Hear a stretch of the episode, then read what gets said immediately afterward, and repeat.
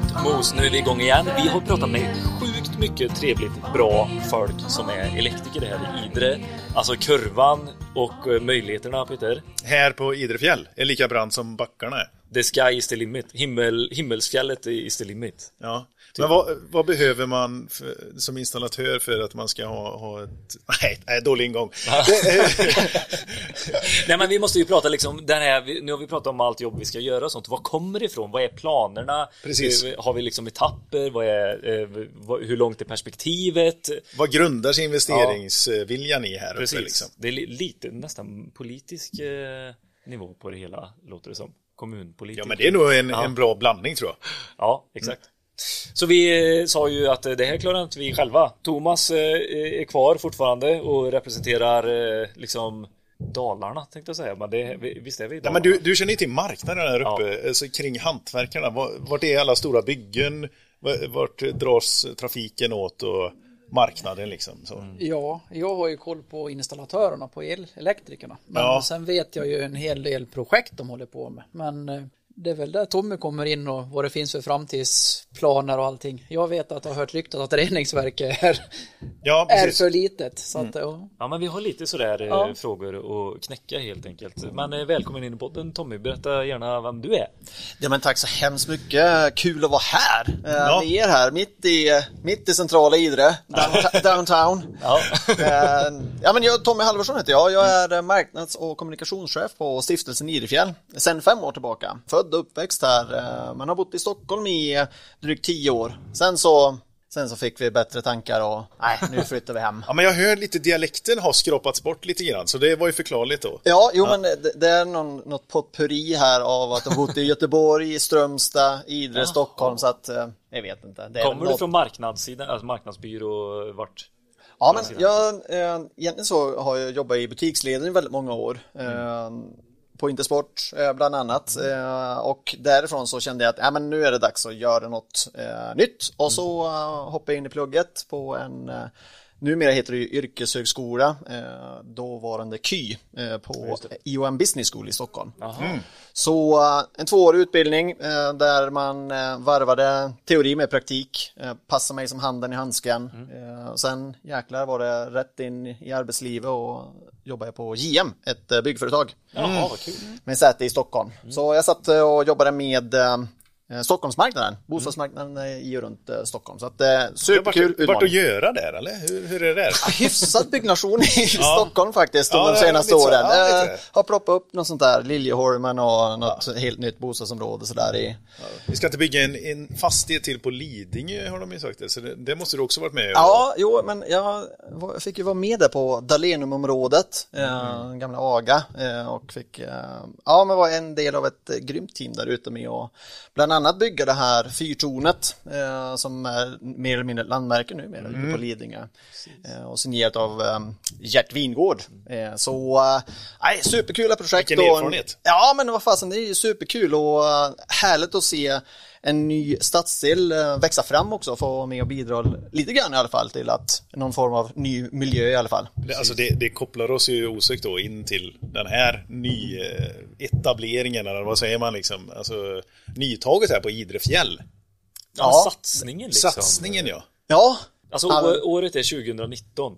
Det är ett snack på ord, liksom stiftelsen sitter och pratar om vad vi ska hitta på här eller hur funkar det? Vart börjar Ja, liksom? nej, ja, vart, vart börjar det liksom? När, när skulle man, eh, eh, ja, eh, Ta med vilka pratar man med liksom, för att få alla de här investeringarna och de här planerna att gå i verket? Ja, men det är, alltså så här, planerna har nog funnits där under väldigt många år. Eh, och vi är kanske på Idefjäll är vi väl sist ut och faktiskt exploatera och sälja tomter. Eh, kollegorna i branschen runt, runt omkring oss har ju varit mer framstående i, i den bemärkelsen med att sälja av och Ja, du tänker typ Åre och Skistar i Sälen och... Precis, de har ju legat liksom framför oss med det. Ja. Eh, sen så såg vi liksom att det här, eh, det finns en, en så pass stor efterfrågan och sen eh, så har vi ju en himla lyx på Idefjäll att äga all mark själv Och det står vi oss ganska unik i. Så att när vi Okej, väl berätta sätter... skillnaden där. Vad är det som i de andra kollegorna i branschen, om man säger, alltså Åre och Sälen och så här. Är det privatägt med företag i grunden som... Ja men precis, det, det ser lite olika ut. Det som skiljer oss då, det är att vi ska ju förvalta en tomt och en, en fastighet som, som vi har fått av, av eh, dåvarande Idre kommun, numera Älvdalen kommun. Och tanken är ju liksom att vi ska utveckla den för friluftslivets eh, och turismens eh, bästa. Och eh, på den vägen är det. Och när vi väl sätter oss liksom och börjar planera, då finns det ingen extern markägare som kan säga nej, det blir ingen cykelled här, det blir ingen skidlift eller en, en alpin nedfart, för det tycker inte jag låter som en bra idé. Men där har ju vi lyxen att faktiskt göra det. Så med bakgrund av det så tog vi fram den, den stora kartan och sa att ja, men, här ska vi nog eh, se till att vi skapar eh, lite nya förutsättningar för både alpin skidåkning, längdskidåkning och cykel framförallt som växer som bara den nu. Ja, precis. Och det, och det du pratar om eh, som du är i då, det är ju stiftelsen. Exakt. Ja, men vad är det bara inom stiftelsen eller är det externa? Intressenter också som ni Ja. har Nej. berett mark för och... Ja, men det, är ju, det är ju stiftelsen som, som i grund och botten äger all mark. Och eh, utifrån det så har vi ju styckat av tomter där vi, där vi säljer av för enskilda bostäder, alltså eh, villor. Eh, och med den investeringen så ligger ju det till botten för finansieringen av till exempel den fantastiska gondolen som vi byggde och smällde upp förra säsongen. Ja, med tillhörande två nya nedfarter, belysning och snösystem. Och, Ja, Ja, eh, gång och cykelväg och ja, det, En det investering på 350 miljoner? Ungefär. Sånt? Ja, exakt. Precis. Så startskottet var egentligen gondolen för eh, satsningen, liksom den stora satsningen? Ja, men Nya. precis. Ja. Och eh, i den här egentligen projektvisionen eh, fram till 2037 som vi plockade fram så innebär det ju att vi ska ju fördubbla kapaciteten eh, i form av bäddar uppe på Irifjäll. Men eh, det viktigaste av allt för vårt vidkommande det är ju att vi fördubblar även kapaciteten vad det gäller skidåkningen primärt. Det är ju jätteviktigt, det, för det ligger ju i grunden till varför gästen väljer att komma till Irifjäll. Det är den alpina skidåkningen som är den absolut den viktigaste. Okej. Och sen så tillför vi också andra aktiviteter som är cykel, vandring, det är höghöjdsbanor, allt möjligt. Och allt det här ska ju vara att Irfjäll ska ju bli ett aktivitetsnav för naturturism helt enkelt, alldeles oavsett vilken säsong man väljer. För det är ju också väldigt viktigt för oss och för stiftelsen och har alltid varit att det ska ju vara en året runt verksamhet. Så det är ju inget nytt påfund eh, för vårt vidkommande utan från 1968 så har vi alltid haft en sommarsäsong eh, som kompletteras av eh, vintersäsong. Okej. Och det är ju superhäftigt och det är väl också en klar fördel för oss nu när vi fler vill investera i det. Och det är att man ser att ja, men här är det ju inte dött någon del av säsongen. För förutom de här vinterveckorna som sträcker sig från jul till om i påsk eller veckan efter påsk och från midsommar fram till nu mer eller mindre där vi är i nästan slutet av september så har vi också en växande del där vi kör en försäsong som startar den 20 oktober och där sparar vi snö varje år. Eh, I år Ja, ungefär precis. 250 000 kubikmeter snö. Ni är kända för att ha, ha längdskidspåren snabbast uppe. Är det så Ja, eller? exakt. Ja, Ja. men vi, vi öppnar ju upp eh, längd och alpint först av alla i Sverige. Så vi Samtidigt? Har, ja, exakt. Det är viktigt att ha den. Ja, den är viktig. Man måste ju tävla ju. Ja, ja. Så att det, är, det är superviktigt att vara först. Och det, och det ligger ju, vi var ju uppe på fjället här, det finns ju i, i avsnittet på YouTube också. Alltså det, det är en stor vit klump som ligger där uppe Ah. som är täckt med eh, presenning. Ja, presenning av bark också. Bark. Bark, är ju en, en, ja. en, eh, riktigt bra uppfinning och som bara en, eh, ännu bättre än vad, än vad den här presenningen gör. Så ja, men det växer ju också en, ännu mer och till följd av att det börjar bli mer av en bristvara att hitta snö runt om i världen så det är klart att där har vi försatt oss i en väldigt bra konkurrenssituation. Där vi kan säga till hela världen att den 20 oktober i år, nästa år, vad året är på, så kommer det finnas eh, träningsmöjligheter på Irifjäll. Och det är klart, då är det få som kaxigt. sitter då liksom och väntar för länge med att boka in sig då. Ja. Så det är skithäftigt. Det är, det är riktigt eh, coolt. Och så att eh, under höstperioden då är, det, då är det nationer från hela världen här uppe och det är ju superkul. Men är det mycket landslag och träningsläger då eller? Att man säger, Ja. gud vad gött att gå på snö liksom. Ja, ja men det är ju en, skidskyttet har vi haft Ja. ett lång, lång och mångårigt samarbete med. Så de kör ju sin eh, Sverigepremiär här, eh, starten på deras eh, vintersäsong. Då kör de igång i november eh, och det är klart att köra rull, rullskidor eller eh, kanske ligga i någon tunnel alldeles för länge, det, det orkar man ju som inte med. Man måste ju som ut och, ja det är ju inte jättelattjo. Men att få komma ut i, på riktig snö, det är ju, det är ju jätteviktigt. Eh, för atleterna själva, men eh, runt teamen också, för man ska ju testa att valla och man ska testa strukturer. Så att eh, som den här vintern nu så kommer vi ha tre stora vallabussar eh, från både Sverige och Norge på plats. Jaha. För att testa, testa av all utrustning. Så det är, eh, det är riktigt kul. Ja, fan vad roligt. Ja, nu dunkar väldigt mycket. De håller på att lägga om taket där vi spelar in. så det, det är oturligt. Men Jag vill höra investeringen i, siff- i siffror. Och gärna. etapper. Ja, etapper här nu. Eh, Du pratade om 2019 förut där Billy. Var det liksom då ni slog klubban i eh, hur det skulle se ut liksom? Ja men precis. Eh, sen så under eh, våren eller eh, senare delen av 2019 och, eller 2020 så kom det en pandemi i vägen också så att jag satte väl lite käppar i hjulen så men planen låg ju fast och vi ve- vet ju liksom vart vi ska någonstans och vilka områden som vi ska utveckla. Sammantaget så handlar det om investeringar runt en 8 miljarder i och runt Idefjäll. Och det är ju allt med restauranger, boende, ehm, allt vad du kan tänka dig liksom, som tillhör liksom, en, en bra infrastruktur på en destination. eh, Himmelsfjället, Japp. eh, Idre Himmelfjäll. Har, har ni varit med och liksom för jag antar att det måste, även fast det blir, jag vet inte om det blir konkurrens, på ett sätt blir det väl det, men också dragkraft till varandra så. Så ni måste väl ha några gemensamma investeringar runt omkring också antar jag, eller? Ja men det som... eh, Idre by kanske, eller? ja, ja men det, det som är det, det mest konkreta eh, samarbetet vi har det är att vi har ett gemensamt eh, liftkort tillsammans med Himmelfjäll och Fjätervålen och Grövelsjön också då. Ja, ja. Eh, vilket gör att du får ju riktigt mycket bra skidåkning i Idreområdet. Eh, så att konkurrensen är väl på lokal nivå skulle jag vilja säga, men att vi verkar för att hitta investeringar som går åt Idrehållet i vårt gemensamma destinationsbolag och det är de här fyra aktörerna som driver på då. För det är ju viktigt också med, med all byggnation som, som kommer att ske här uppe så det är viktigt att infran hänger med också. Verkligen. Men eh, liftsystemet ifrån eh, Idre fjäll över till Himmelfjäll hänger väl ihop? Eller? Nej, det gör de inte. Det finns ju planer på att bygga ihop, eh, bygga ihop eh, med en gondol här, men, det är ju långt fram de planerna är. Men eh, eh, någonstans i en, i en framtid så finns det väl planer för det, helt enkelt. Men eh, först och främst så vill ju vi utveckla Idefjäll eh, utifrån våran takt och, och den pacen som vi vill ha med de satsningar både sommar och vinter, vintermässigt. Så att det, det går ju först och främst. Men kan du dela upp de här eh, pengarna lite i både investeringar och etapper och, och tidsplaner så? Alltså grovt vad som är satt Vi lite? har ju dratt oss med siffran 20 miljarder fram till 2035. Ja, ja men eh, för hela området så är ju det eh, en korrekt siffra skulle jag vilja säga. Ja. Eh, För det investeras ju inte bara i och runt Idre, Idrefjäll utan det är ju Grövelsjön och Storsäten. Eh, Där händer ju jättemycket och driver på som tusan utvecklingen.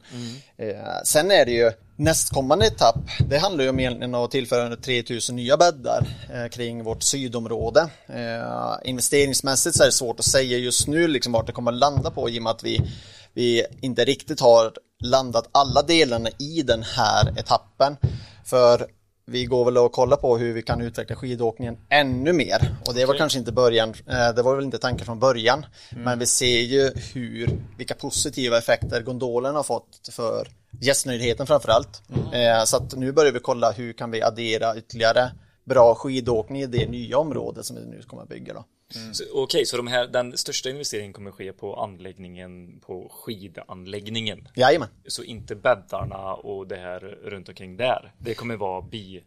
Ja, men det kommer ju bli som 3000 nya bäddar kring ett eh, speciellt område, kring området syd som vi kallar det på Idefjäll. Alldeles där gondolen går, där ni var och kikade igår. Ja. Och där kommer det tillföras restauranger, det kommer skiduthyrning, cykeluthyrning, servicepunkter. Är det i, eh, eh, vad heter det, ne- nedersta området, alltså starten på gondolen? Ja, Där vi var... Ska man säga, Garaget. strax nedanför Pernilla Wiber hotell. Ja, okej. Eh, Där vi bor. ja exakt. Där kommer Var det, det där kommer det bli Erik Selin hade gjort något? Precis, jajamensan. Så att det där är ju Balder med och, och utvecklar. Så att eh, det kommer bli riktigt spännande. Så att det är väl egentligen den första etappen som, som vi ser som ligger oss närmst nu. Eh, det kommande året, åren. Eh, sen håller vi på och kollar eh, på möjligheten till att utveckla ett nytt hotell också.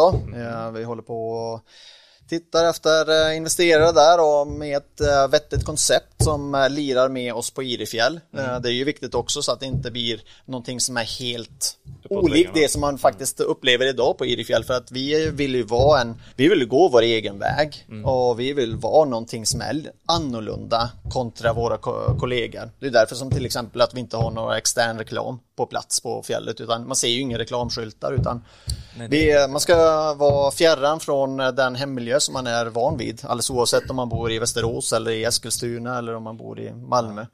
Ja, just det. Men eh, okej, okay, vad är då det annorlunda konceptet kring hotell? Jag tror att det, det handlar ju om väldigt mycket om att hitta ett koncept som, som sticker ut och som kanske är någonting som man inte upplever på klassiska sådana här du vet, butikshotell eller något liknande utan det ska andas fjäll rakt ja. igenom och det, där kommer vi nog vara ganska selektiva när vi kollar på vem som ska vem som ska drifta det här eller som ska bygga det här för att det ska ju vara en mer eller mindre en resanledning att bara komma och bo på hotellet. Ja. Kan du ge någon eh, målande bild? Har du någon, eh, något konkret exempel på vad du letar efter? Uh, är, det bara, är det bara du Tommy som letar? och du får bestämma? Va? Ja, här har tänk, vi det! Tänk om jag fick bestämma. Ja. bra nej, jag har Nej, men det som drömmen vore ju att du kan åka skidor på taket tänker jag. Eller att du kan hoja på taket. Eh, och så att det blir en inkluderande del i faktiskt den, den aktivitet du kommer för att göra på fjället. Eh, och där är ju skidåkningen otroligt viktig, men också cykeln också, eller vandring. Och att, Vadå, att det är inbyggt i... Ja, det vore väl Typ ta hissen upp med mountainbiken och starta där ut på fjället, typ så här, Exakt. Eller skidorna. Tänk dig att glida ut där i Pernillabacken med eh, skidor eller med, med hojen. Eh, starta från ett eh, coolt garage eller ett förråd uppe på, på taknivå. Ja. Det, det vore väl någonting. I början på kondo kondolen. kondomen, ja. eh, gondolen, så såg vi ju det att eh, ni bygger ett, ja men dels är det ju ett gondolgarage, mm. men uppe på där så ska det finnas butiker och liv, livsmedel och lite sportbutik kanske eller något sånt där. Precis. Och det, det var även anslutning till en större parkering. Ja. Så att du ska kunna komma med bilen, ställa dig precis utanför gondolen i princip, ta på dig skidorna och så åka upp i, på fjället. Åka skidor upp och ner och ja. hit och dit. Ja, men alltså, det, det, det, jag vet inte, det har inte jag upplevt någonstans när jag varit i Sälen eller i... Det ligger inte så nära till hands liksom. Hela, hela Idefjäll är uppbyggt på att du ska ställa bilen på, väl på plats. Du, du, ska inte behöva den när du är på semester. För att bilen hör ju vardagen till. Och det, den har man ju nog av 362 andra dagar liksom om året. Eh, så den ska, den ska stå. Mm. Eh, och utifrån det här perspektivet att vi bygger gondolen, att den ska vara öppet året om. Mm. Det ingår ju också i den här projektvisionen av att göra Idefjäll till ett aktivitetsnav och att vi tar Projektvisionen kallar vi ju en framtid närmare naturen. Och det är att fler ska kunna få uppleva svensk fjällvärld. Mm. Mer eller mindre. Mm. Och det ser vi ett resultat av redan nu i sommar. Eh, när man hade den här spåkulan du vet, framför sig för ett par mm. år sedan så såg man så här, ja men här kommer då en familj som ska upp och cykla eller vandra. Åker upp på toppstugan, har det som utgångspunkt. Och så gör man liksom en aktivitet i runt eh, fjället. Och så kanske farmor och farfar hänger med. Men det är ju också gammelmorfar och gammel, gammel, gammelmormor. Ja, ja, ja. För att det är ju så pass lätt ju. Du, du tar, det ju, tar det ju med bilen ner, mer eller mindre ner till gondolen. Du åker upp i gondolen, träffar din familj uppe på restaurangutsikten eller toppstugan. Tar en fika, du kan se när barnen är ute och hojar eller kanske åker lite skidor. Mm blir otroligt, otroligt ja, mysigt. Och Verkligen. Liksom, ja, det är och så att bara få hänga. Och att eh, man inte sitter hemma i, i stugan och ugglar en vecka utan man får faktiskt mer eller mindre vara med där, där barnen är och, och liksom, åker skidor eller cyklar. Det där känner man igen Thomas. Sitta i, uh, sitta, sitta, i stugan och uggla. Jag hade en, eh, en tanke till dig Tommy. När ni sitter och projekterar stora anläggningar, när du ja. pratar hotell och bostadsområden eller fritidsområden liksom, och nya liftar. Ni måste ju ha en jätteframtidsvision och sitta och skissa och rita så inte ni, här ritar ni in en stor gondollift och sen där skulle bostadsområdet vara. Nu gör vi om alltså. Vad har ni, ja, precis.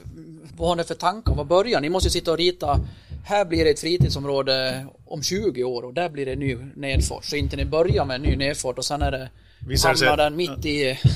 ja. Nej men det där tycker jag är en väldigt bra fråga. Vi kommer inte ge avkall på att vi inte bygger aktiviteten först. Eh, skidåkningen får alltid gå först, helt enkelt. Sen eh, är det ju viktigt att pussla ihop liksom, med infrastruktur, eh, med, med boende och, och allt annat också. Men vår vision är ju att du som privat stugägare, när du investerar hos oss, inte ska komma till Idefjäll och bo i en byggarbetsplats i tre eller fyra år. För det är ju ingen lattjo Utan när man väl sätter nyckeln i dörren, om man antingen vill bo där för evigt eller om man vill att vi förmedlar boendet, då ska aktiviteterna vara klara alldeles utanför dörren. För det är ju mycket mysigare att ta med familjen upp till fjället, öppna dörren, packa in skidorna, ta på dem och sen glider man ut i backen.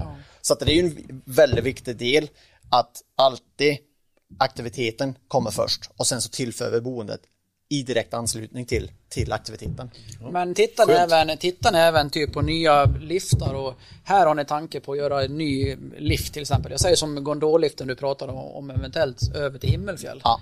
De eh, fundamenten som ska vara där, så inte man hamnar ett fundament mitt i ett fritidsområde. Alltså, Nej, Granne liksom. Ja, precis. Vi måste ju alltså titta redan där. Nej, men dra isär de här lite så att vi har plats för eventuellt om vi ska bygga en lift eller om vi inte ska det. Har ni sådana hemliga kartor och Ja, nej, det- ingen får se liksom? Nej, så här? det finns, eh, vilar nästan inga hemligheter men jag säga. Nej men vi har ju en, vi har egentligen flyttat in hela Idefjäll just då, av den anledningen för, för, som du är inne på, så här, ja men hur ska vi, hur ska vi lägga de här skidbacken eller cykellederna eller restaurangen eller boendet eller Mm. det är ju för att det ska finnas en klar och tydlig plan när man väl sätter igång ju. Men likväl så är ju Idefjäll ju ganska stort i dagsläget också. Vi har en eh, 8000, 8500 bäddar. Vi börjar ju komma in i den här eh, känsliga punkten, eller känsliga men delikata, eh, vad ska jag säga, eh, som att få med elektriker och allting, eh, snickare. Vi eh, söker alla tillstånd vad det gäller, alltså Ellevio var det här uppe va? Ja. Eh, Alltså det är mycket, nu börjar vi få in väldigt många andra aktörer som ska liksom knytas ihop och skapa det tillsammans. Så så här, hur, hur pratar ni med, eftersom det är Elektrikerpodden så utgår vi från dem då? Ja, ja Så precis. hur, hur pratar ni liksom med elektrikern för att de ska kunna förbereda sig kanske att, eh, att våga anställa mer eller att eh, Går hålla ni ut kvar? och ser så att kapaciteten finns? Ja, men, alltså, vi har ju en, det är väl det som är ynnesten att bo i ett eh, lite mindre samhälle som Idre är, att man har ju en väldigt bra dialog med, med lokala entreprenörer. Ja. Så att det skulle jag vilja säga att vi, vi har en väldigt god dialog och har koll på eh, alla aktörer som finns i och i, närområdet. Med det sagt så, så kommer det behövas än, ännu mer resurser här uppe. För om proppen nu går ur för både Idefjäll och eh, för Himmelfjäll och för Grövelsjöområdet, ja men då kommer det ju finnas rejält med, eh, med jobb för en elektriker. Och det är ju inte, det är ju inte bara i en nyetablering utan det handlar ju också om utifrån det här med lifttekniker. Alltså det blir allt mer komplicerade konstruktioner för, för en lift också. Och där spelar ju elektrikern en jätteviktig roll. Och um, där, där har ju inte bara kanske enskilda aktörer ett stort ansvar utan där vill ju också ett ganska stort ansvar på SLAO också som är branschorganisationen för svenska liftanläggningar. Att hitta kompetens också. Svenska liftanläggningar. Schlau. Ja, exakt. Det är, eh, All right. All right. är hela ha gänget som har en ja. lift mer eller mindre runt om i hela Sverige. Allt från Ja. Alebacken till Ja, precis. Kopparlister. Jag tänkte vi säga Vara det. registrerade. Ja, men precis. Hammarbybacken får vara med. Ja, Hammarbybacken är med. Mm, vara med också. Ja, Jajamän. precis. Nej, men, så att där finns det också ett behov av att hitta kompetens som kan ta sig an en helt ny teknik även på, Ja. på liftar också. Arbetstillfällena, de kommer öka kraftigt. Jag läste någon siffra. Lavinart. Lavinartat. eh, nej, men jag läste någon siffra där på att bara Idre fjäll kommer behöva anställa mellan 100 och 150 Ja. personer. Är det på heltid? Ja. Det är det. Ja. ja. Och det är ju en tredjedel av befolkningen som den ser ut idag. Då. Ja, precis. Arbetsförda Exakt. befolkningen. Ja. ja. Men hur hur är det då att jobba med det och liksom tillföra rätt kompetenser in på området här? Har ni, är ni ute och marknadsför er runt om i, i, i regionen här eller? Ja, ja men vi, vi gör det dels själva i och med att det finns ju ett, eh, finns det kommer finnas ett behov av att, eh, att anställa väldigt mycket kompetens hit upp. Sen eh, verkar vi inom destinationsbolaget också. För Inte att det hitta- som var de, eh, det var ju Idre, Trysil, Sälen. Det var det är ju CITE, det är Ja. ett EU-projekt. Turism? Eh, Ja, det är EU-projekt. Ja, Okej. precis. Ja. Eh, EU-finansierat. Ja. Håkais fru jobbar ju där. Ja, exakt, exakt. Nej, men det, det är ju viktigt att man inom, inom sådana konstellationer arbetar också för att se till att vi hittar rätt kompetens att flytta hit. Mm. Sen blir det ju också viktigt utifrån andra perspektiv också, att skola hänger med. Ja. Um, att, vi har, att vi har bostäder som man faktiskt kan flytta hit upp mm. till, det, vilket är en trång sektor. Som inte är orimligt att köpa. Eller Exakt, liksom. eller hyra för den delen. Uh, för det får inte bli en trång sektor när man ska flytta, att man står här och kollar till höger och vänster så vet man inte riktigt var man ska bo någonstans. Nej. Och sen en uh, knäckfråga för, för hela Idreområdet är ju riksväg 70 också. Och det handlar ju både om att transportera gäster hit upp året om. Men det handlar ju också om viktig, viktig och trygg, en trygg miljö för alla hantverkare som åker här till och från. För jag menar, vägen är så trång så att två bilar kan ju mest, nästan inte mötas. Och framförallt då när det kommer till lite större fordon, lastbilar. Ja. Vi hade fyra möten på vägen upp. Ja, ja det var ingen, det var ingen trafikstockning då. Vägren kanske. Okay, men intressant att du tar upp det. För eh, tågförbindelserna härifrån västra Sverige, de är ju rätt dåliga. Men där har, det är svårt att påverka det, för det är mer en nationell fråga ja. om man ska dra en tågförbindelse upp eh, till det här området. Eh, men har ni någon möjlighet att påverka det? Nej, men vi försöker väl göra vår sak gällande i den frågan. Eh, traditionellt sett, eh, och där jag hoppas att det blir en förändring, det är ju att svenskt näringsliv är ju ganska angelägna om att industrin ska funka och det håller jag med om. Den, den måste funka. Den, den uh, utgör en viktig del av liksom, Tillverkarindustrin menar du? Exakt, stålindustrin till exempel. Vi har ju SSAB i ja. Borlänge bland annat. Och traditionellt sett så har det ju varit infrastruktursatsningar som gått åt det hållet. Ja. Men en basnäring i Sverige nu, det är ju turismen. Det, det börjar bli det eller? Det känns uh, verkligen så. Ja, Dalarna framförallt. Ja. Men jag tycker vi ligger efter det där. Alltså bara ja. kolla på i västra Sverige, vi har i hela Bohuslän som är otroligt eh, attraktivt för hela världen bara man har ja. möjligheten att komma dit. Mm. Men det är dåligt, det är Turism, svårt att ta sig dit ja. Ja, men visst är det alltså, med bil så kommer du dit, men det är inte alla som ja, enligt klimatmålen ska vi dra ner på bilåkandet. Nej, men, och där eh, försöker vi göra allt i, i vår makt inom destinationsbolaget också. Att göra vår sak gällande att det här, den här infrastruktursatsningen måste bli av nu. Mm. Det finns ju en förhoppning, i alla fall hos mig som är eh, positivt lagd, det är ju att det nya skjutfältet uppe i Älvdalen, eller nya och nya, det är inget nytt med det, men eh, det är i och med att vi... Ja, men eh, precis. Ja, just eh, det. För järnväg finns ju upp till Älvdalen och det hade ju förenklat eh, vårt liv ytterligare lite grann om ja. um, tågen kunde rullat in i Älvdalen åtminstone. Det är ytterligare fyra mil från Mora som är väl egentligen knutpunkten nu då. Och då är det militären som drar då? Ja, exakt. Ja, just det. Ja, precis. Ni är ju inte de första som etablerar en sån här, utan Sälen har ju faktiskt gjort det år också med eh, lika många bäddar som ni liksom ska utöka med här nu.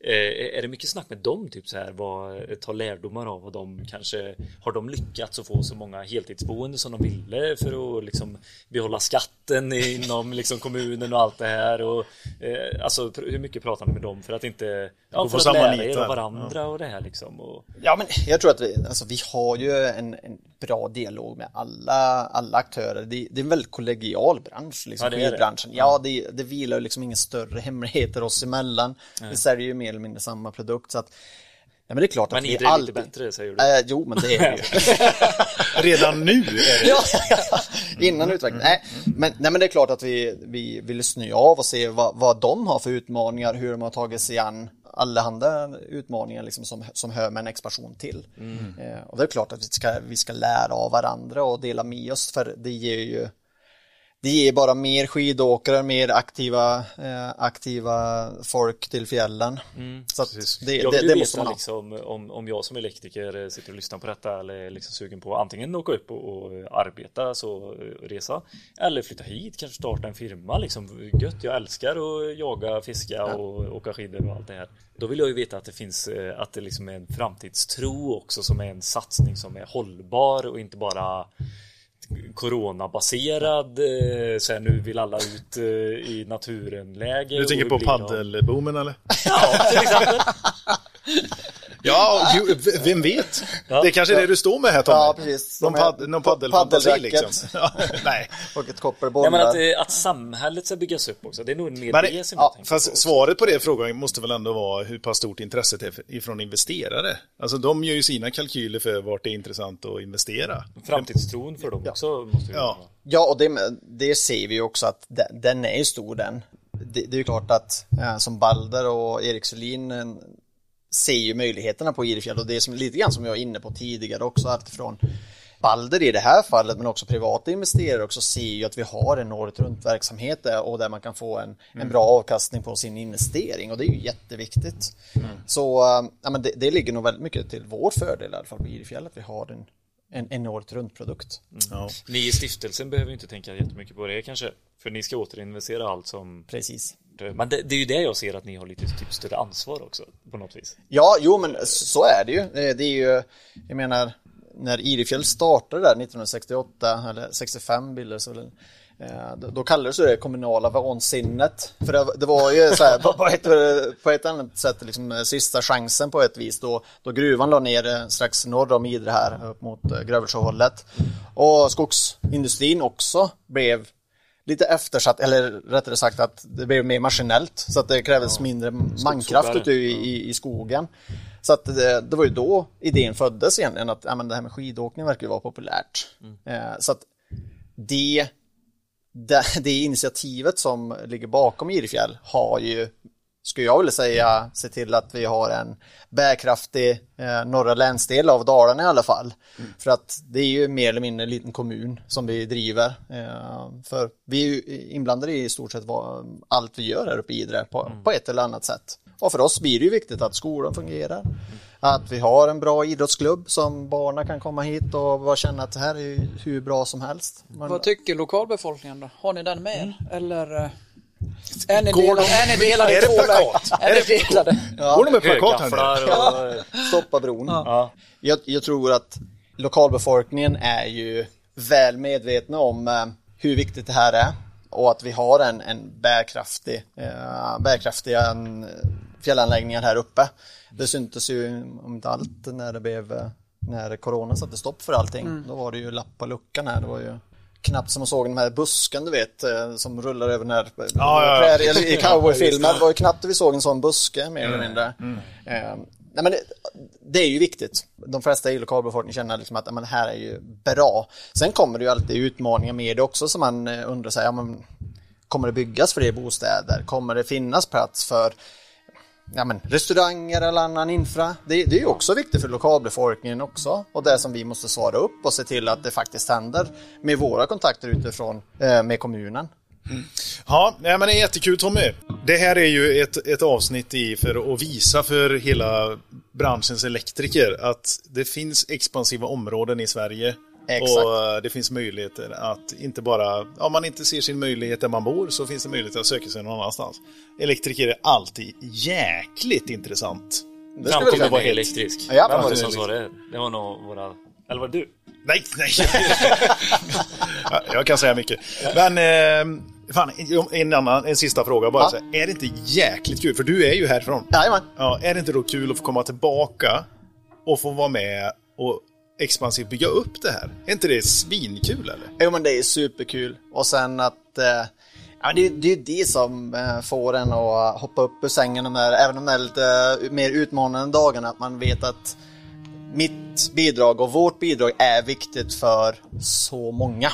Eh, inte bara gästerna utan lokalsamhället också. Och det är ju, nej men fasen det är en drivkraft. Den, eh, den gnistan kommer aldrig att, att slockna utan nej, superhäftigt. Ja, Till alla elektriker som varit med i podden här nu idag också, de, de vill ju höra om den här flaskhalsen. Ja. Löser ni reningsverket? Ja, jag tänkte Nej, ni säger jag, ja. det är inte, men kommunen, du som har lite inblick. Nej, men eh, Ja, eh, jag kan väl bara säga att jag förväntar mig att eh, kommunen löser den här frågan. Ja. Punkt slut. Du kan ju som inte, du kan inte lägga en våt filt över utvecklingen här uppe. Det, det, handlar, om, det handlar om planer på en 6000 nya bäddar ja. eh, som, som vi nu inte kan utveckla. Det, det är bara att lösa det. Ja. Ja, Svinbra. Vi lämnar arbetsplatsen och poddavsnittet. Tack så hemskt mycket för att ni deltog allihopa. Ja. Tusen tack för det. Bra jobbat.